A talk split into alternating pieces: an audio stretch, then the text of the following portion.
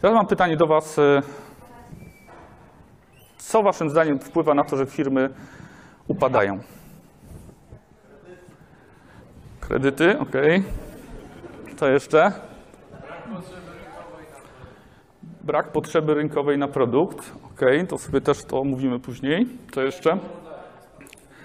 Klęska urodzaju. O, dobra, ale co, co przez to rozumiesz? Co to znaczy klęska urodzaju? Produkt e, jakby ma za dużo e, klientów, a nie jesteś w stanie produkować. P- Okej. Przez e, rozmnożenie produkcji po prostu później może na przykład spaść górka i, i, i, tak, czyli trzeba umieć odmawiać. Okej. Dobrze, coś jeszcze Wam przychodzi na myśl? Zły dobór wspólników, tak, to też ma znaczenie. Utrata płynności, brak strategii, dokładnie. Dokładnie. Konkurencja jest zawsze. To, ale okej, to są te rzeczy, które e, oczywiście mówicie, mają wpływ jak najbardziej i mogą być przyczyną. Ja tutaj wymieniam kilka, które moim zdaniem są e, kluczowe. Tak? Po pierwsze, sprzedaż, tak? Czyli y, jak jest za mała sprzedaż, no to się biznes przestaje spinać. To od, od sprzedaży się zaczyna. Ja jestem firmą, czy reprezentuję firmę produkcyjną, ale najważniejszym działem w tej firmie jest dział sprzedaży, tak? Bo jak nie będzie zamówień, to ta produkcja nie będzie miała co robić, tak? Także to jest y, główny czynnik moim zdaniem, od którego zależy y, to, czy firma się y, będzie rozwijać, tak? E, to, co było powiedziane, płynność finansowa. Z czego to wynika, ten brak płynności finansowej? E, Między innymi z tego, że sprzedaje się na długie terminy, a na przykład dostawcom trzeba szybciej e, zapłacić, tak? I w pewnym momencie może się to przestać spinać, więc idealną sytuacją jest tak, żeby sprzedawać klientom na jak najkrótsze terminy, a u dostawców kupować na jak najdłuższe. Wtedy to się zaczyna zazębiać bądź też e, e, można utracić tą płynność poprzez nierozsądne po prostu wydatkowanie pieniędzy. E, Zbyt wysokie koszty działalności, tak? No taka w sumie banalna rzecz, ale mm, no, trzeba kontrolować tak, te koszty, wiedzieć e, na co te e, nasze pieniądze idą i, i krótko mówiąc, czy to się w ogóle będzie spinać. Na tym etapie przygotowań można to już przewidzieć. No i oczywiście to, dlaczego tutaj dzisiaj jestem, czyli brak biznesplanu, czyli brak tego przygotowania. Jeśli ktoś zrobi taki biznesplan, e, to na pewno ma większe szanse właśnie na to, żeby podjąć decyzję właściwą e, o tym, jak ten biznes rozwijać. Ok. Teraz komu potrzebny jest biznesplan? Waszym zdaniem. Uniwersalna odpowiedź, bardzo dobrze. E, Okej, no to już nie będziemy tego rozwijać. Ja to troszeczkę uściśliłem. Każdemu, owszem, ale rozwijam to. Kto otwiera swój biznes, e, będzie każdemu na pewno łatwiej. Jeśli tworzysz jakiś nowy projekt, tak, tak jak teraz ja, budu- budując drugi zakład produkcyjny, e, też musiałem przekonać bank, żeby y, po pierwsze udzielił mi kredytu i stał się tak naprawdę moim wspólnikiem na, na, na najbliższe 10 lat, żebyśmy byli w stanie spłacić ten kredyt tak, w tym czasie. Więc musiałem em, tak zaplanować swoją przyszłość. W sumie nigdy tak daleko nie planowałem, teraz y, trochę zostałem do tego przymuszony właśnie przez bank, żeby y, oni też mi zaufali i zgodzili się z tym, co tam im napisałem.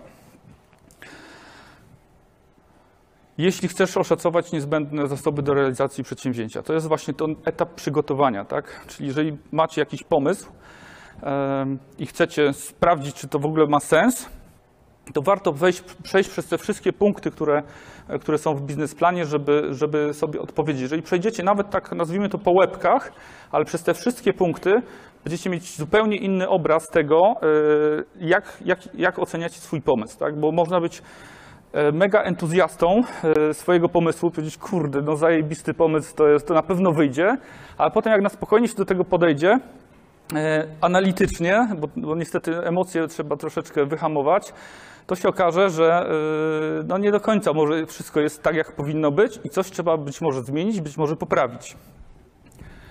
I ostatnia rzecz, gdy chcesz wiedzieć, jakie podjąć działania, aby wyróżnić się na rynku, tak? To jest klasyka tak naprawdę e, marketingu e, na, na, na obecne czasy. Czyli co zrobić, żeby to klienci chcieli kupić Twój produkt, Twoją usługę od Ciebie, a nie od kogoś innego, tak? Czyli znaleźć ten wyróżnik. To jest coś, e, to jest mega trudne, tak? W każdym biznesie, ale jest to możliwe. Można to znaleźć. Ja też w swoim biznesie to e, znalazłem. Robię opakowania przemysłowe, e, ale wbrew pozorom różnimy się od innych producentów jakimiś tam punktami, które powodują, że te firmy, e, znane firmy niemieckie, e, być może ktoś jeździ e, tymi markami z Was, kupują właśnie w mojej firmie te opakowania, a nie gdzie indziej. Tak? W Niemczech też są producenci takich opakowań, ale oni kupują u mnie w Polsce. Takich firm jak moja, to jest no, rynek trochę niszowy. W Polsce jest około mniej niż 10 w każdym razie. Więc łatwo nie było, ale jak już człowiek w to wszedł, znalazł ten wyróżnik, y, zbudowaliśmy wiarygodność na rynku, to ci klienci już teraz bez, nazwijmy to, większego zastanowienia, te zapytania do nas mm, wysyłają. My nie mamy czegoś takiego jak stałe zamówienia. My praktycznie cały czas mamy walkę o, e, o tą sprzedaż, bo my pracujemy na projektach. E, Czyli przychodzi zapytanie, u nas to wygląda tak, że przychodzi, e, e, załóżmy, nie wiem, pocztą czy kurierem jakaś część, załóżmy, że to jest jakaś część samochodu i mówią, słuchajcie, potrzebujemy na to opakowanie. Potrzebujemy e, e, uniwersalne, oczywiście podają jakieś tam wymagania i my musimy stworzyć coś, co zaspokoi ich potrzeby. Mm. I tak jest praktycznie cały czas. Tak? Kilkadziesiąt projektów miesięcznie musimy przerobić. E, O czym nam mówi e, biznesplan tak naprawdę? O trzech, ja bym to powiedział, e, okresach czasu tak naprawdę. Pierwszy to jest przeszłość, tak? czyli to, mm, co do tej pory e, zrobiliśmy, e, jakie, jaką wiedzę pozyskaliśmy, jakie zasoby, no wszystko, co się wydarzyło do momentu, kiedy ten biznesplan tworzymy. Kolejna, jak się domyślacie, część to jest teraźniejszość, czyli to, co robimy obecnie, jak się przygotowujemy do realizacji tego swojego celu. E, Czyli jakieś, jeżeli to są biznesy, które wymagają jakichś tam pozwoleń i tak dalej, to, to, to też to wszystko trzeba w takim biznes, biznesplanie zawrzeć. I oczywiście przyszłość, tak? I to jest tak naprawdę najważniejsza rzecz, którą jeżeli ktoś się stara o kredyt, czy tam jakieś wsparcie finansowe, e, to ta e, część jest najważniejsza, bo tutaj musicie przekonać e, te instytucje udzielające tych, tych kredytów czy pożyczek, m, że ta wasza wizja no, jest realna, tak? że to ma szansę być, mm, wejść w życie. Tak? I też dlatego jesteście tutaj, tak? na tej konferencji. Dzisiaj będziecie mm, e, omawiać e, swoje projekty i przekonywać nas, jurorów, do tego, e, żeby tą kasę wam dać na ten rozwój. Tak? Czyli tak naprawdę dzisiaj odrobina tego, mm, nazwijmy to, biznesplanu przez was zostanie dokonana. Więc takie dobre przygotowanie, będziecie wiedzieli, o czym mówić, tak przynajmniej, żeby mnie przekonać. E, I teraz sobie przejdziemy tak naprawdę przez wszystkie punkty tego biznesplanu, żebyście wiedzieli, e, co, co tam powinno być. Tak? Ja miałem to szczęście, e, pisząc e, ostatnio swój, swój biznesplan, e, że dostałem taki feedback od banku, e, że dost- dostali ode mnie więcej informacji niż oczekiwali. E, Zwykle podobno jest tak, że jest informacji za mało, albo że taki klasyczny błąd ludzi, e, pisząc biznesplany, e, to jest zbytni optymizm. Bo nam się wydaje, że będzie super, hiper i tak dalej. Banki mają swoje wskaźniki e, i oni e, zawsze to tam dzielą to, co nam się wydaje, przez swoje wskaźniki. No i potem albo im wychodzi, albo nie wychodzi, albo ten kredyt dadzą, albo nie dadzą. Trzeba im pokazać e, tak naprawdę realne e, możliwości, to, co się w tej przyszłości prawdopodobnie wydarzy. Tak?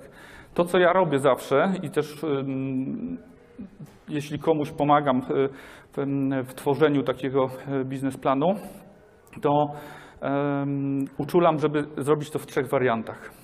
Czyli tym optymistycznym, bo takim emocjonalnym, że kurde, wszystko pójdzie super i będzie zajebiście. Realnym, takim realistycznym, e, że jeżeli się warunki po prostu rynkowe nie zmienią, czyli będzie tak jak jest teraz, to się wydarzy to i to. I oczywiście wersja pesymistyczna, czyli jeżeli coś się wydarzy, co pójdzie nie tak, na przykład e, wspólnik się okaże mm, osobą, z którą trzeba się rozstać, to też jest scenariusz, który trzeba wziąć pod uwagę. Jeżeli Wam się spina biznes na etapie tego biznesplanu e, pesymistycznego, no to to ma duże szanse na, e, na powodzenie, tak? Bo tak jak my teraz na przykład idziemy bodajże 15% powyżej planu realistycznego nawet, to, no to to nawet mnie zaskakuje, tak? że idzie lepiej niż, niż mnie się wydawało tak na chłodno. Więc cieszy mnie to. E, I najważniejszym punktem tak naprawdę e, w biznesplanie to jest streszczenie. A dlaczego? Bo w tych kilku zdaniach tak naprawdę musicie przekonać kogoś, e, kto to czyta, żeby przeczytał całość. Czyli tu musicie zawrzeć takie informacje, żeby zachęcić taką osobę, e, która potem decyduje o waszej przyszłości, czy wam tą kasę da, czy wam jej nie da, czy warto to przeczytać do końca. Więc to jest najważniejsza część i to cię pisze na końcu. Wbrew pozorom. Ok. Kolejny punkt to jest, ja, ja to nazywam taki etap chwalenia się. E, oprócz tam danych statystycznych, tam y, NIP, REGON i tak dalej, adres itp., tu piszecie o swoich osiągnięciach. Tak? Tu też piszecie o tym, jakie kursy, oczywiście wykształcenie, jakie doświadczenie macie, zdobytą po prostu no, wiedzę na każdym etapie swojego życia, która może pomóc w rozwoju biznesu. To jest wbrew pozorom e, bardzo ważna informacja dla, dla, dla na przykład banku. To się, tu się uwiarygodniamy jako osoby, które no wiedzą, w co wchodzą, albo nie wiedzą, tak? Mo- Można być nieświadomy. I tutaj nie trzeba mieć, e, ja na przykład jestem ekonomistą, tak? W życiu nie chciałem robić nic związanego z produkcją. Jest takie przy- przysłowie, pewnie e, część z Was e, słyszała, że lepsze jest kilo handlu niż tona produkcji. E, I tu się z tym e, w zupełności zgadzam, mając firmę produkcyjną, potwierdzam, jest to generalnie ciężki kawałek chleba, ale można zarządzać firmą e, produkcyjną, nie, nie będąc inżynierem, nie mając pojęcia o e, e, rysunkach e, w kadzie i tak dalej, i tak. Mam zespół, dzisiaj to jest 80 osób. e, I to są ludzie specjaliści, którzy wiedzą, każdy ma swój kawałek, nazwijmy to tortu e, do ogarnięcia i oni wiedzą lepiej ode mnie w pewnych e, zakresach, co robić. Tak? Ja się nie muszę znać na wszystkim. I tego też Wam życzę, żebyście zbudowali sobie takie biznesy, e, które się rozwijają e, tak naprawdę już trochę poza Wami. Tak? Dzięki zespołowi. A budowanie zespołu to jest inna już bajka, o tym pewnie będą mówić inne, e, inni wykładowcy. Ok, kolejna rzecz, opis rynku. Tak? Tutaj tak naprawdę musicie wiedzieć, w co wchodzicie. Tak? Co dla was, czym dla Was jest opis rynku? Może ktoś mi podpowie. Głośniej? Benchmarking, tak. To jest, czyli porównanie się do innych firm, tak? Jak najbardziej. Co jeszcze? Nowe trendy, tak? To, czyli obserwacja tego, a, a gdzie można, e, Twoim zdaniem, e, takie mm, e, nowe trendy? Prasa branżowa. Co jeszcze? Internet, targi, dokładnie konferencje, tego typu rzeczy. Jak najbardziej. Jedną z rzeczy, którą, którą musicie sobie uświadomić, to jest zakres waszego działania geograficzny. Czy będziecie działać lokalnie, czy na rynku krajowym, czy międzynarodowo. E, To też ma ogromny wpływ na to, jak, jak ten wasz biznes będzie się, się rozwijał i jakie zasoby musicie mieć, aby ten biznes y, rozwijać. Tak? Jeżeli ktoś oczywiście robi biznes w internecie, to z założenia już jest on międzynarodowy, y, i, ale też inne zasoby są potrzebne tak, do, do rozwoju w internecie. A jeśli ktoś będzie chciał taki tradycyjny biznes robić jak ja, czyli produkcję, y, maszyny i tak dalej, no to musi też sobie, ja też, słuchajcie, no, te, przy, zaczynałem od, pierwszą halę wynajęłem miała 170 metrów kwadratowych, dzisiaj to jest 2300 metrów i budujemy zakład o mm, kolejnych 3000 metrów kwadratowych hali. Więc y, nam się to rozwija i też zaczynaliśmy tak naprawdę, chociaż nie, ja, moja pierwsza sprzedaż to była do Irlandii, więc y, myśmy zaczęli od razu od, y, od międzynarodowego, ale zasadniczo opieraliśmy się raczej na, na rynku krajowym z opcją rozwoju na rynek międzynarodowy. Na pewno to nie był rynek lokalny i regionalny. Ale to miałem tą świadomość, tak? Kolejna rzecz demograficzna, tak? Kryterium demograficzne. Jeżeli ktoś prowadzi biznes to biznes, no to to, to kryterium nie do końca jakby spełnia, e, znaczy nie, nie jest wymagane powiedzmy, ale też musicie wiedzieć do kogo, do jakiej firmy, e, to tak naprawdę musicie swoje produkty, usługi kierować. Jeśli to jest kryterium e, produkt czy usługa bezpośrednio do, do jakiegoś klienta, to musicie wiedzieć do kogo, tak? Czy to będzie kobieta po 30, e, mieszkająca w dużym mieście z wyższym wykształceniem, e, lubiąca, e, to jest kolejna rzecz, lubiąca na przykład e, chodzić do parku, tak? Na spacery z psem. Jamnikiem. E, więc to wszystko ma znaczenie, tak? Te wszystkie rzeczy musicie sobie uświadomić na etapie przygotowania. Jeśli y, tą wiedzę będziecie mieć, to Wam będzie dalej łatwiej y, przejść przez kolejne punkty. Analiza otoczenia, tak? To też to jest branża, do kogo to jest skierowane, od kogo coś będziecie kupować, e, jaka jest konkurencja, w czym jest lepsza, w czym gorsza bo to też te informacje będą Wam potrzebne do budowania swojej strategii. No i to, co było powiedziane tak o tym, e, e, nazwijmy to klęsce urodzaju, czyli podaż i popyt, żeby wiedzieć, czy rynek jest chłonny, czy nie jest chłonny, e, jakie jest zapotrzebowanie na te, na te Wasze usługi, produkty mm, i co jest tak naprawdę, w którym też miejscu tak zwanego cyklu życia produktu jesteście. Bo nie wiem, czy kojarzycie, e, znaczy na pewno kojarzycie, kasety wideo. No. Ktoś pamięta? Kasety wideo? Jeszcze, okej, część z Was pamięta. E, no to kasety wideo w pewnym momencie to był hit, tak? Po prostu było wszędzie, ja przynajmniej mm, e, w liceum to, to chodziło się, były takie miejsca, gdzie się wymieniano w ogóle kasetami, się przynosiło swoje jakieś filmy i najpopularniejszym i najbardziej e, takim e, filmem, który e, wkurzał wszystkich, to był film Mrówki 1, Mrówki 2. Nie wiem, czy ktoś zna. Kojarzycie? To była pusta kaseta i tylko były takie kropki czarne, białe i tam się nic nie działo. Po prostu ktoś dawał pustą, bez, bez nagrania kasetę. Tytuł był Mrówki 1, Mrów- Mrówki 2 i część osób się na to nabierało.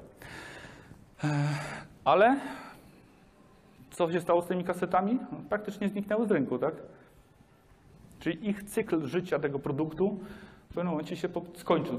Został zastąpiony przez inny produkt, bo jeżeli ktoś ma usługę, to być może inna usługa. E, W tym przypadku to były e, płyty CD, tak? które też znikają powoli, bo też ich cykl życia się kończy. Ale tą wiedzę trzeba mieć. Gdzie, w którym miejscu jesteście ze swoim produktem czy usługą? Nie? Jeżeli to są, nie wiem, e, usługi związane ze zdrowiem, no to raczej e, ludzie nie przestaną chorować, tak? Więc jest szansa, e, że ten cykl życia cały czas może być wydłużany, zmieniany, jakieś tam fluktuacje tego, tego no, cyklu są, ale on nie, nigdy się nie skończy, tak? No bo ludzie zawsze będą chorować. Tak samo biznes, jeżeli ktoś, nie wiem, zakład pogrzebowy chciałby otworzyć. Jest ktoś taki? Nie, dobrze. ale to też biznes jest raczej pewny, tak? To też e, raczej po- popyt na to będzie. E, OK, mamy opis rynku. Czy jakieś pytania do tego macie? Na razie nie. O, proszę. Lećmy dalej. Plan marketingowy.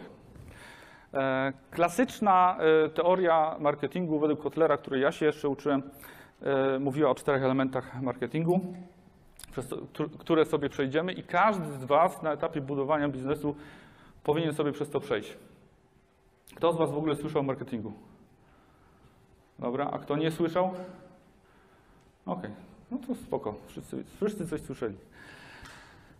Czyli produkt, tak? Produkt lub usługa, czyli musicie wiedzieć dokładnie, co chcecie oferować i opisać to, tak? W tym biznesplanie trzeba dokładnie opisać, żeby ten bank, y, tudzież, y, nie wiem, urząd pracy czy cokolwiek, chociaż nie, do urzędu pracy chyba nikt, nikt z Was, ktoś do urzędu pracy będzie się starał o jakieś stacje? Nie, nie, dobrze, to właściwi ludzie są, dobrze. Czyli raczej do banku. E, Ale ten bank musi wiedzieć, co wy chcecie w ogóle robić w tej przyszłości, co wy chcecie sprzedawać. Produkt. Wszystko się opiera, cała, wszystkie pozostałe elementy opierają się na tym produkcie, usłudze. Cała strategia e, marketingowa jest budowana od tego elementu. Cena. Musicie wiedzieć dokładnie, po ile będziecie sprzedawać. To ten sam produkt, usługę w innej cenie sprzedacie w Warszawie, a innej w miejscowości powiatowej w, w województwie podkarpackim na przykład, tak? Przykład, nie wiem, jakąś usługę kosmetyczną. Gabinet kosmetyczny, nie wiem, robienie rzęs, tak? Czy coś takiego, to w Warszawie strzelam. 150? Więcej? Mniej? Dziewczyny?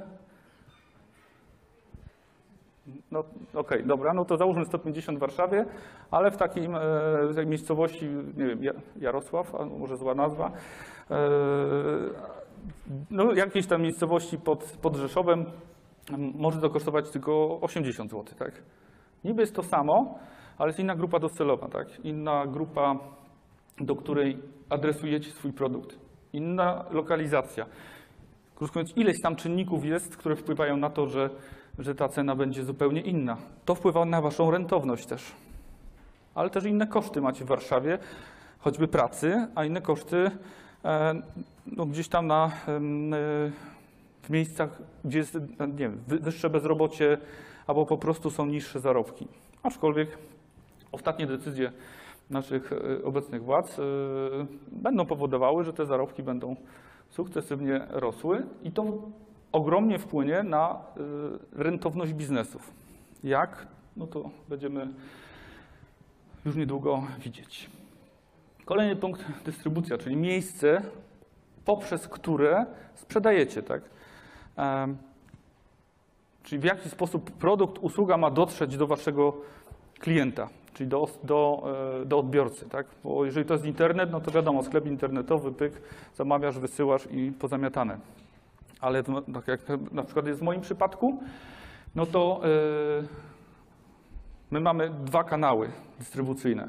Jeden to jest bezpośredni, czyli od naszego zakładu leci prosto do fabryki, albo idzie to przez pośrednika, albo czasem i dwóch, czyli do poddostawcy bezpośrednio, albo e, przez pośrednika, który jest poddostawcą poddostawcy.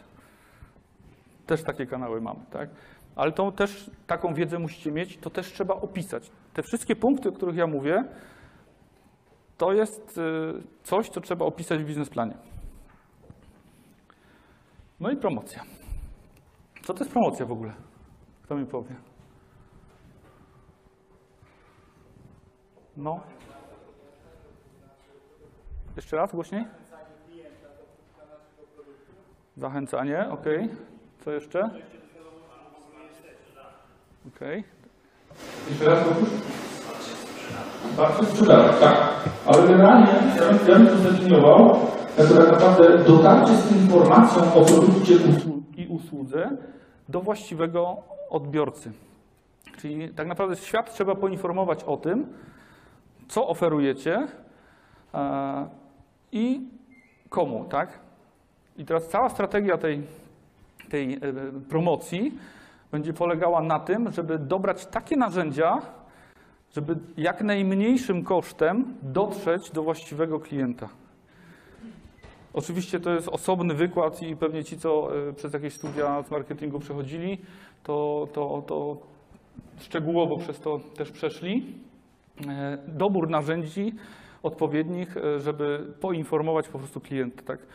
Mo- mo- Można mówić o tradycyjnych e, typu ulotki, wiem, właśnie konferencje, targi, tego typu rzeczy. W pewnych biznesach to się sprawdza, ale w dobie internetu, no to cały ten Facebook, tudzież Instagram i inne rzeczy, które powodują, że jesteś w stanie tak sprecyzować reklamę na Facebooku, że ona się wyświetli, załóżmy, tylko osobom, które są w promieniu 100 metrów od tego budynku, tak? Bo takie są możliwości. Każdy z nas ma w kieszeni lub torebce takie coś, tak? Kto nie ma? No właśnie. Ja już nie mam, odłożyłem. Eee, więc trzeba mieć świadomość, że każdy biznes tak naprawdę w przyszłości musi być w telefonie. Trzeba takie narzędzia dobrać, żeby dotrzeć e, z, mm, ze swoim komunikatem do odbiorców, którzy mają telefon. Tak? No wiadomo, że oczywiście każdy z nas twierdzi, że telefon to jest e, patrzenie się w telefon jest złe, że sie- siedzi się, nie wiem, z chłopakiem albo e, z, z, dziewczyną e, na wprost siebie i każdy się gapi w swój telefon e, i, no i tak nie powinno być, bo się powinni patrzeć w oczy, tak? Tak jak ja pan teraz tu patrzę, więc tak to powinno wyglądać. Niestety tak to nie wygląda.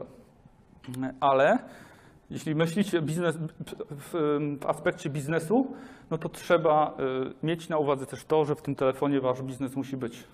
Ktoś mądry powiedział, że jeśli w ciągu najbliższych 10 lat twój biznes nie będzie, nie będzie w telefonie, to go w ogóle nie będzie. Więc y, trzeba o tym myśleć. Ok. I piąty element, który moim zdaniem jest też mega ważny, to są ludzie.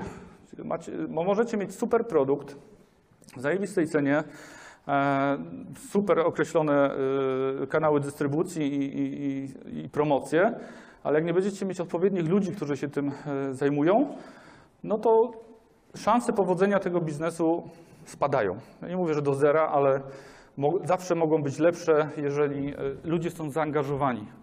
Czyli tak naprawdę no, są potrzebne trzy rzeczy do, do tego, żeby tak naprawdę sprzedawać, tak? Wiedza, umiejętności, ale najważniejsza to jest postawa. Jak nie ma odpowiedniej postawy, to ani wiedza, ani umiejętności nie pomogą.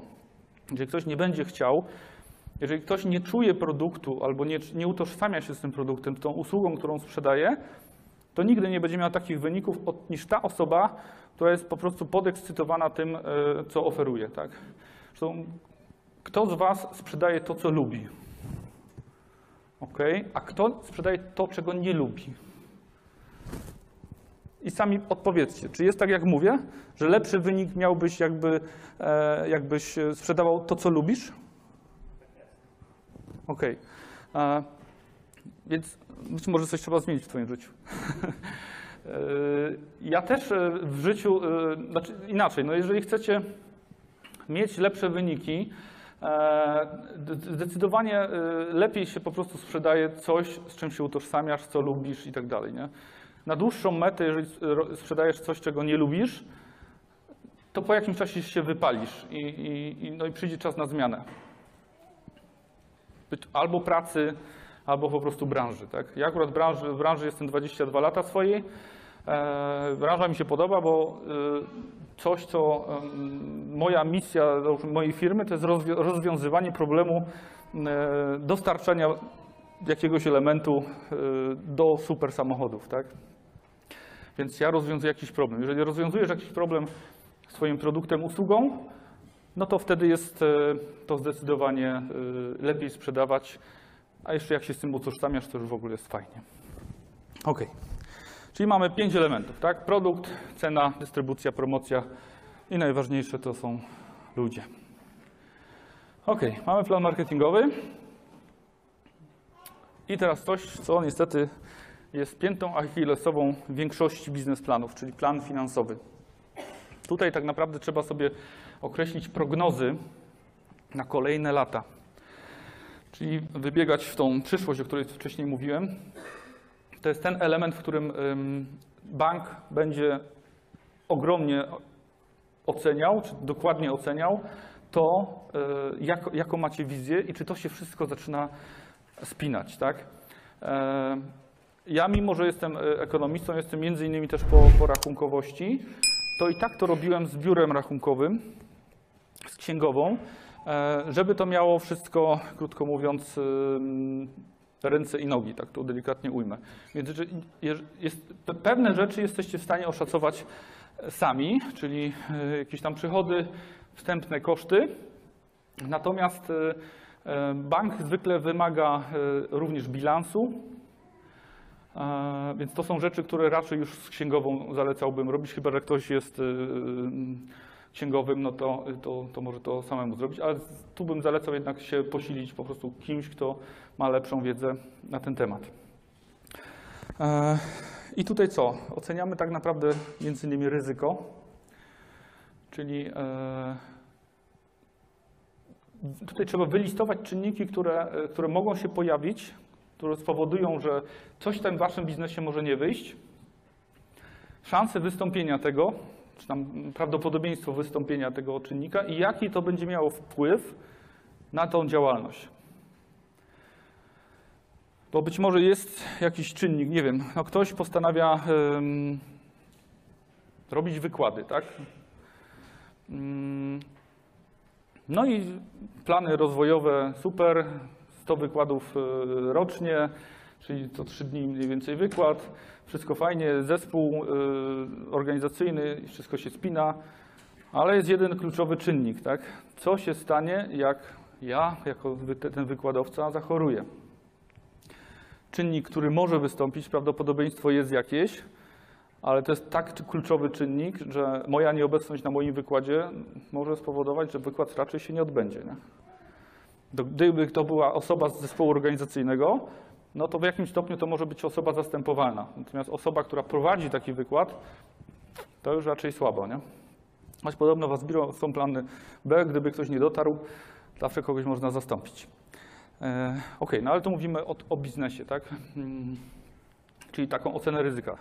Wkład własny. Zwykle też e, takie instytucje finansowe wymagają od nas e, jakiegoś wkładu własnego, czyli albo jakiejś kasy, albo jakiegoś zabezpieczenia.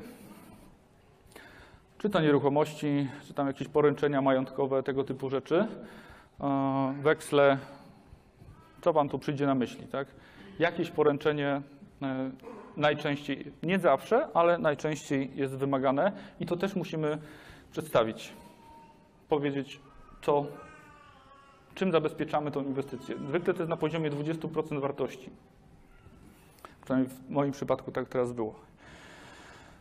No i to, co, to, co mówię, te przyszłe przychody i koszty, tak?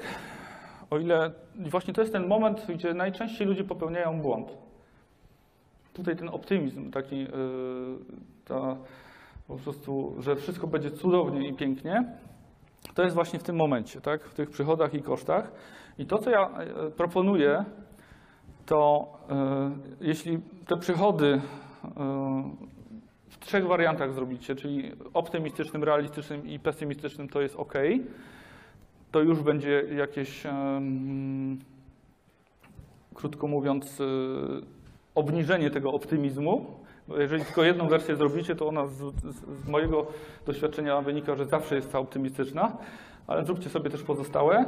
A koszty, to co Wam wyjdzie, powiększcie o 20%. Bo to jest realnie jest taki mniej więcej procent kosztów, o których się albo nie wie, albo zapomina. Więc szacując koszty, jeżeli tam nie macie wynajem lokalu, zakup komputerów, y, samochody, oprogramowanie, jakieś tam maszyny i tak dalej, to się okazuje potem, że zapominacie, nie wiem, o ZUS-ie, o czymś tam, e, o takich rzeczach, które są teoretycznie oczywiste, ale kurczę, umknęło. Więc jak sobie tutaj w tych założeniach dodacie te 20%, to mniej więcej się to e, powinno pokryć. No i najważniejsze, to musicie wiedzieć, kiedy ten biznes zacznie być dochodowy. Czyli ile trzeba sprzedać, z jaką marżą, żeby pokryć swoje koszty. Tak? Próg rentowności to jest moment pokrycia e, kosztów. Więc e, to też musicie wiedzieć. I bank też musi to wiedzieć. Tak jak mówię, to jest najtrudniejsza część, jeśli chodzi o, o, o tworzenie y, tego, tego biznesplanu. Więc y, tutaj nie bójcie się po prostu kogoś poprosić o pomoc, tak, żeby to zrobić rzetelnie. Bo wtedy jest po prostu dalej będzie łatwiej. Ok. Kolejna rzecz. Analiza SWOT, czyli analiza słabych i mocnych stron oraz szans i zagrożeń. Tak? Wszyscy słyszeli o analizie SWOT? Kto nie słyszał? O, są. O kurczę. Dobrze, no więc y, o czym nam mówi analiza SWOT? Pozwólcie, że tym osobom, które nie słyszały, to, to trochę, y, trochę opowiem.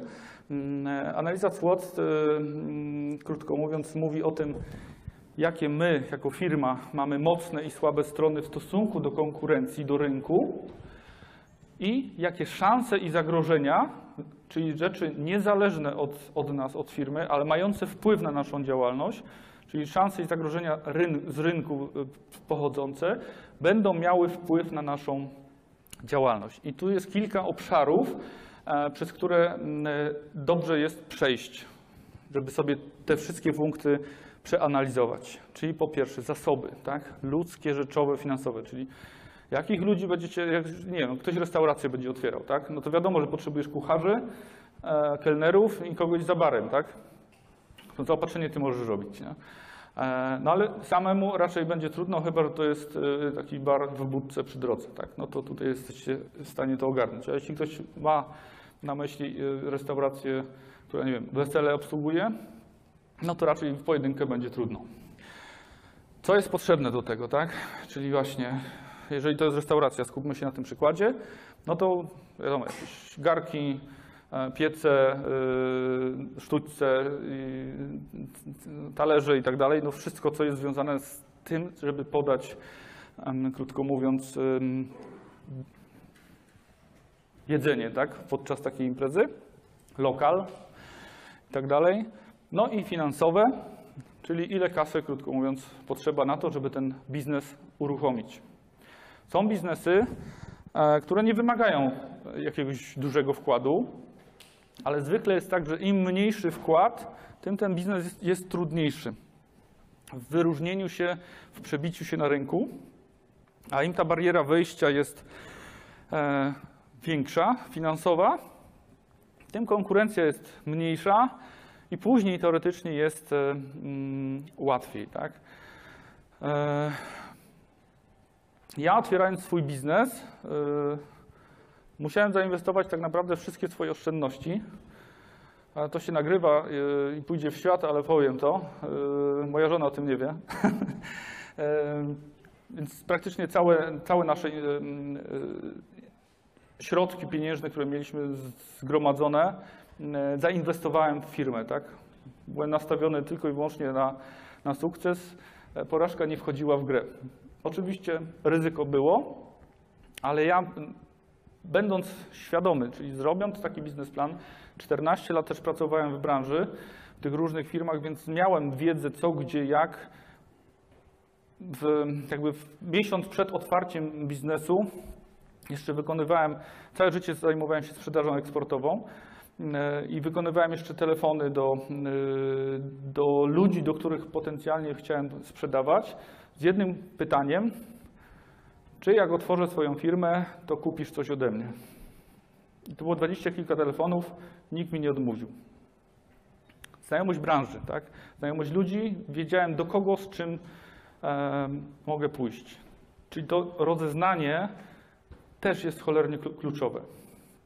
Co by było, jakby mi nie wyszło? Pewnie bym tu nie stał.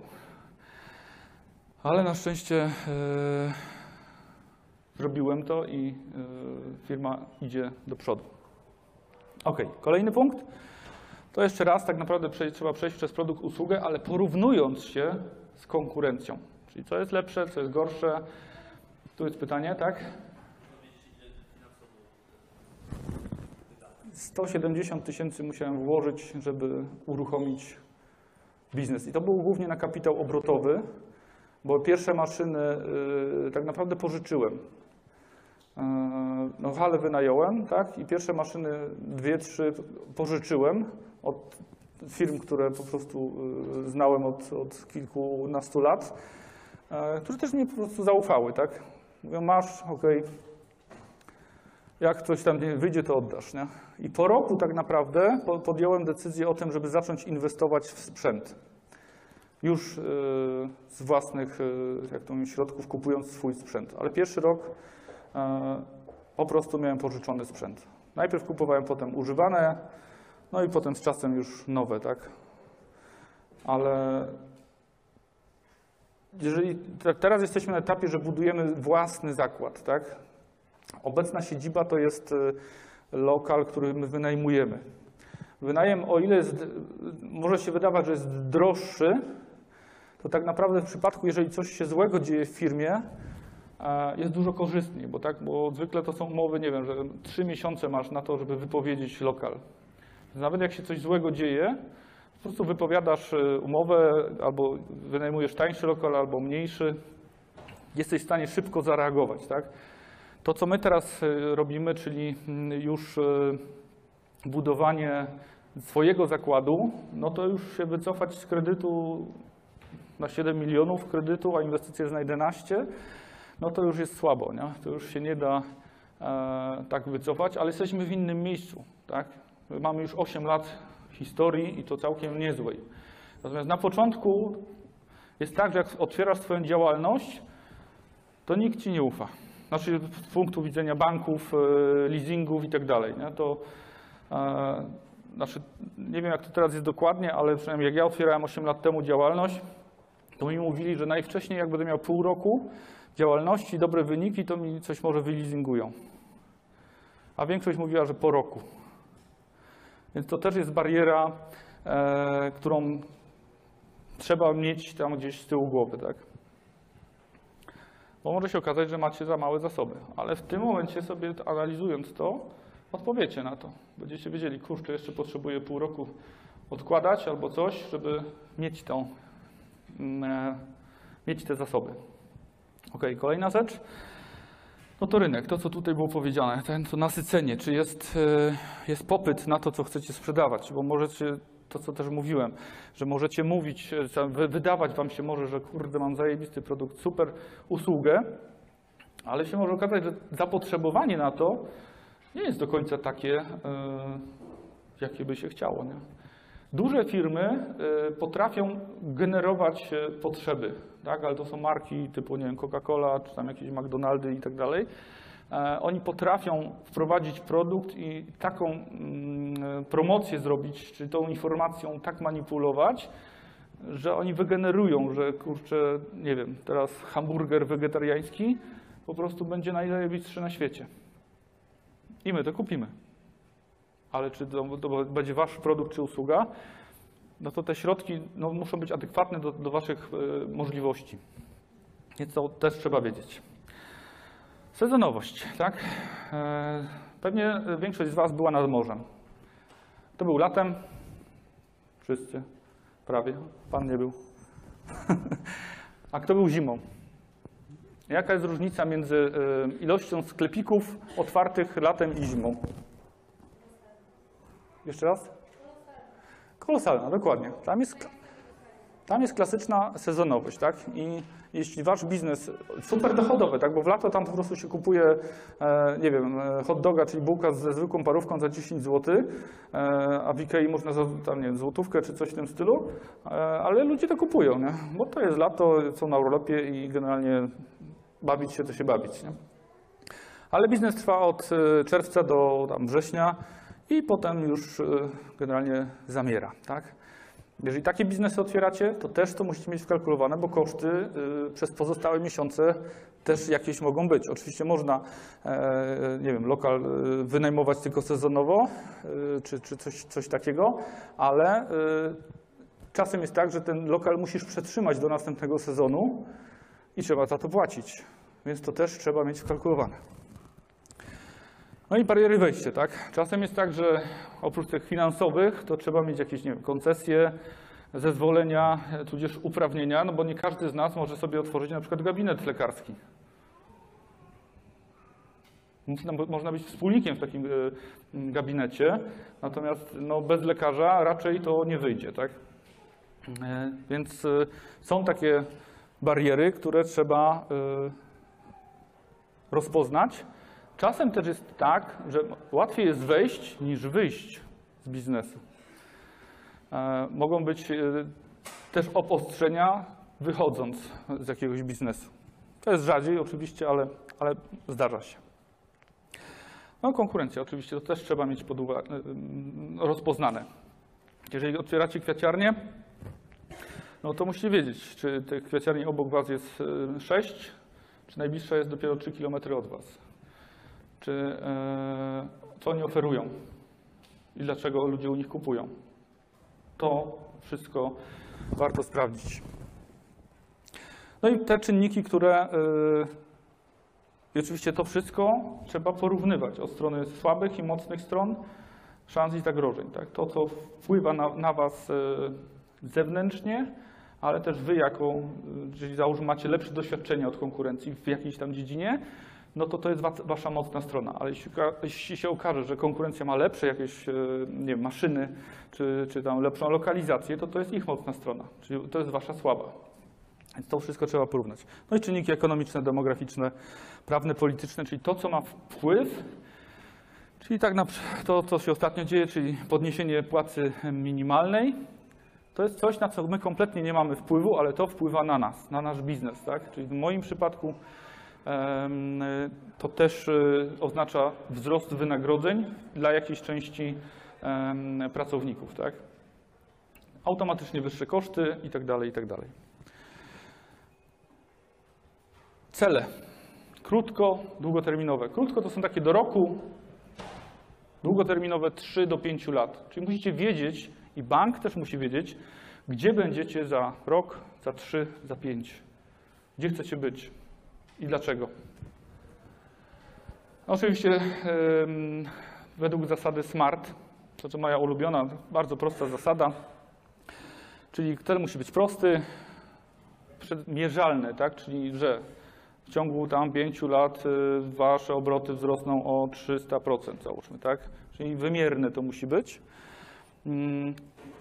Osiągalne, czyli, czyli po prostu y, możliwe do, do, do, do spełnienia, to się z kolejnym wiąże, czyli że jeżeli powiecie sobie, że chcecie lecieć na Księżyc w przeciągu 6 miesięcy, y, no to cel jest prosty, tak?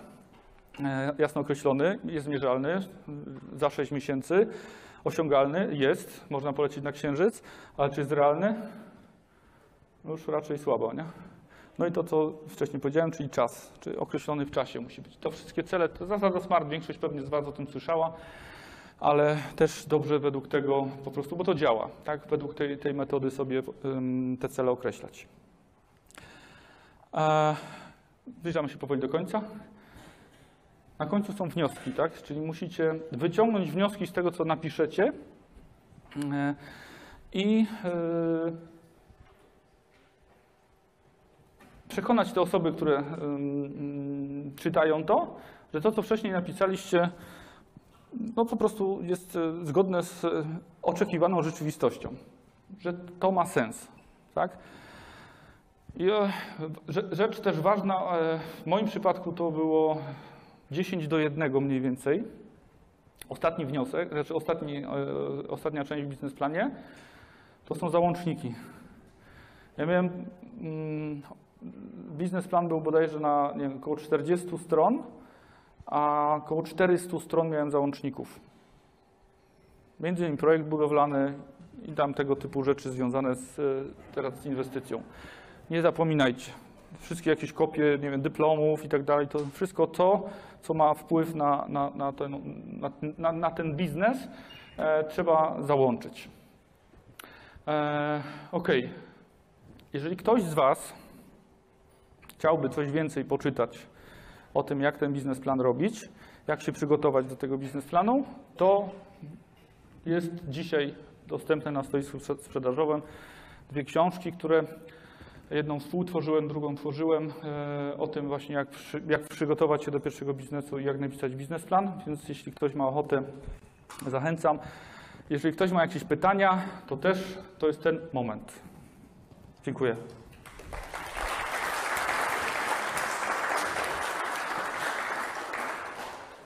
Jakieś pytania? Proszę.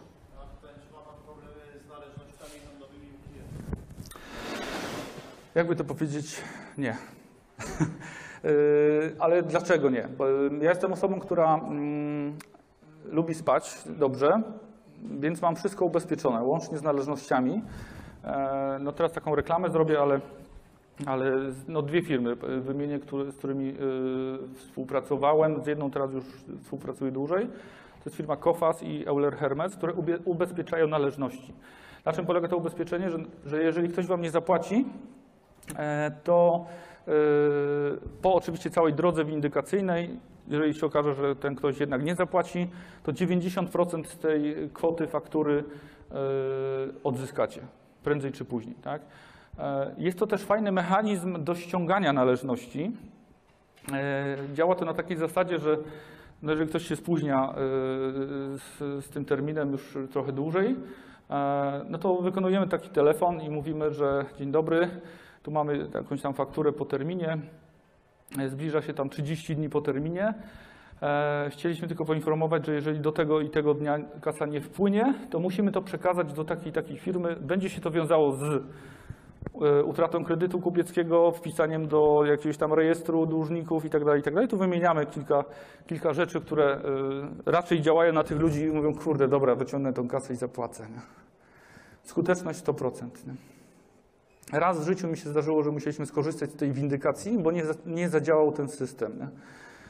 E, Koszt w zależności od branży jest różny. E, W moim przypadku to jest bodajże 0,3% wartości faktury, czyli tak naprawdę no, koszt jest y, niewielki, a ta pieczątka na tych fakturach y, mówiąca o tym, że należności są monitorowane i ubezpieczone, naprawdę działa. Tak?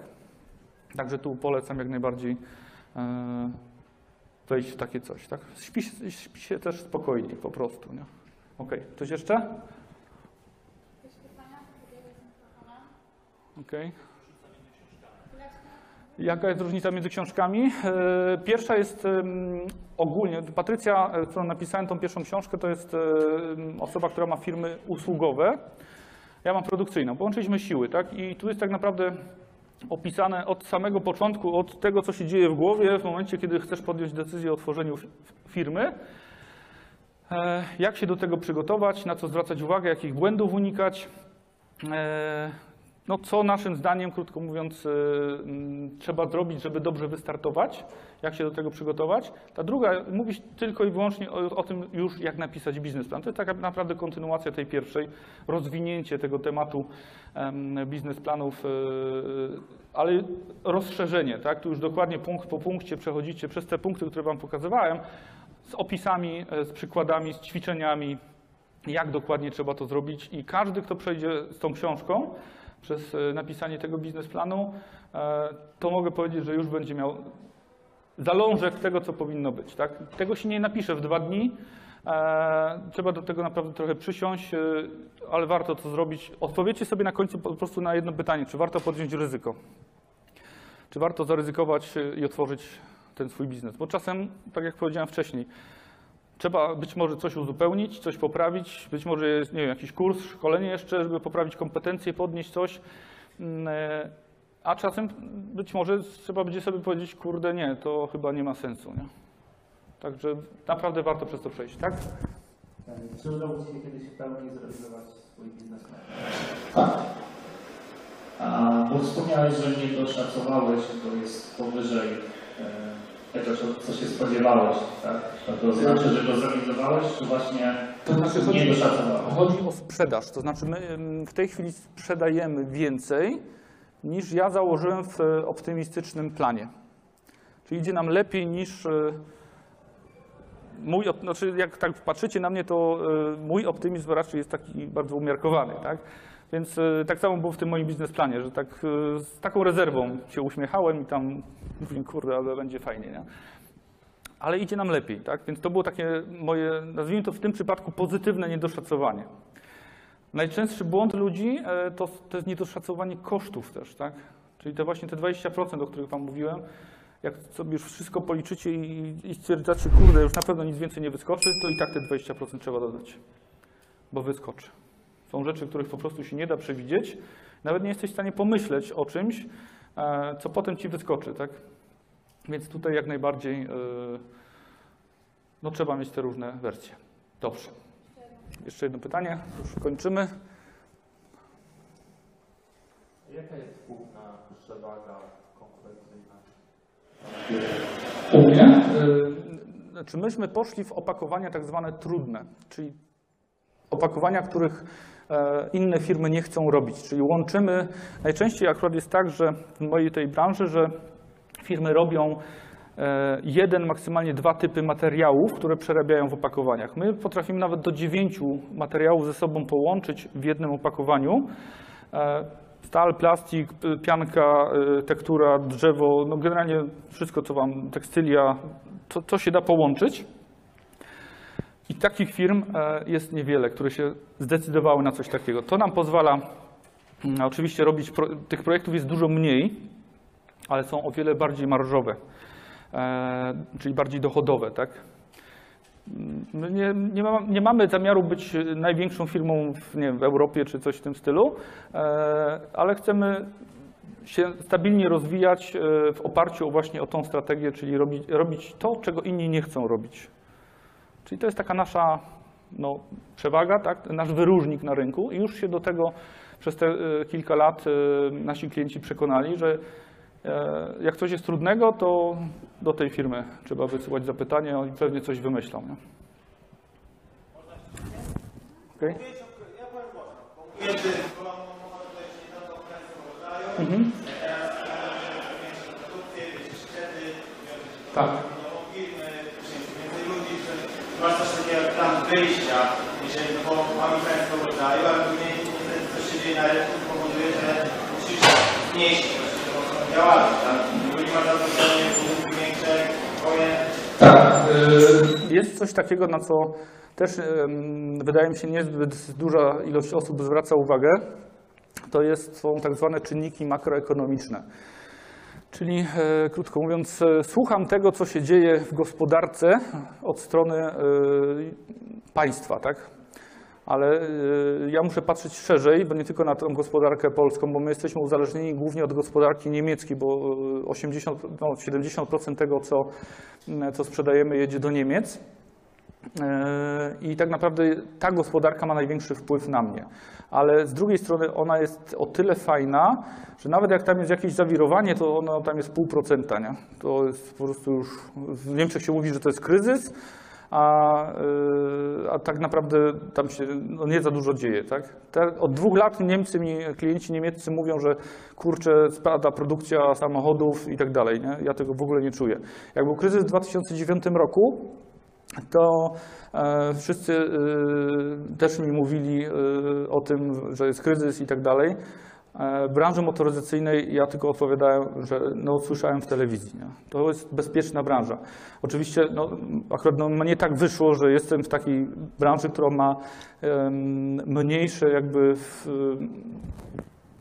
wpływ tego, co się dzieje w, w gospodarce, bo te samochody się praktycznie zawsze produkuje. No, Jeśli chodzi o gospodarkę niemiecką, no to oni mega pieniądze też wpompowali wtedy i przypuszczam, że nawet gdyby teraz coś się e, przydarzyło, to też by wpompowali jakieś duże pieniądze w tą gospodarkę, bo ich na to stać. Nie? W Polsce najgorszą chyba branżą, najbardziej ryzykowną, e, moim zdaniem, to jest budowlana gdzie teraz oczywiście to y, się buduje na potęgę. E, Generalnie wsz- wszędzie się wszystko buduje, e, ale to jest pierwsza gospodarka, że jak coś tąpnie, to jest pierwsza branża, która od razu to odczuje. Więc y, wybór branży też ma znaczenie tak? I, i ryzyka z tym związane. Mariuszu, bardzo dziękujemy. Dziękuję.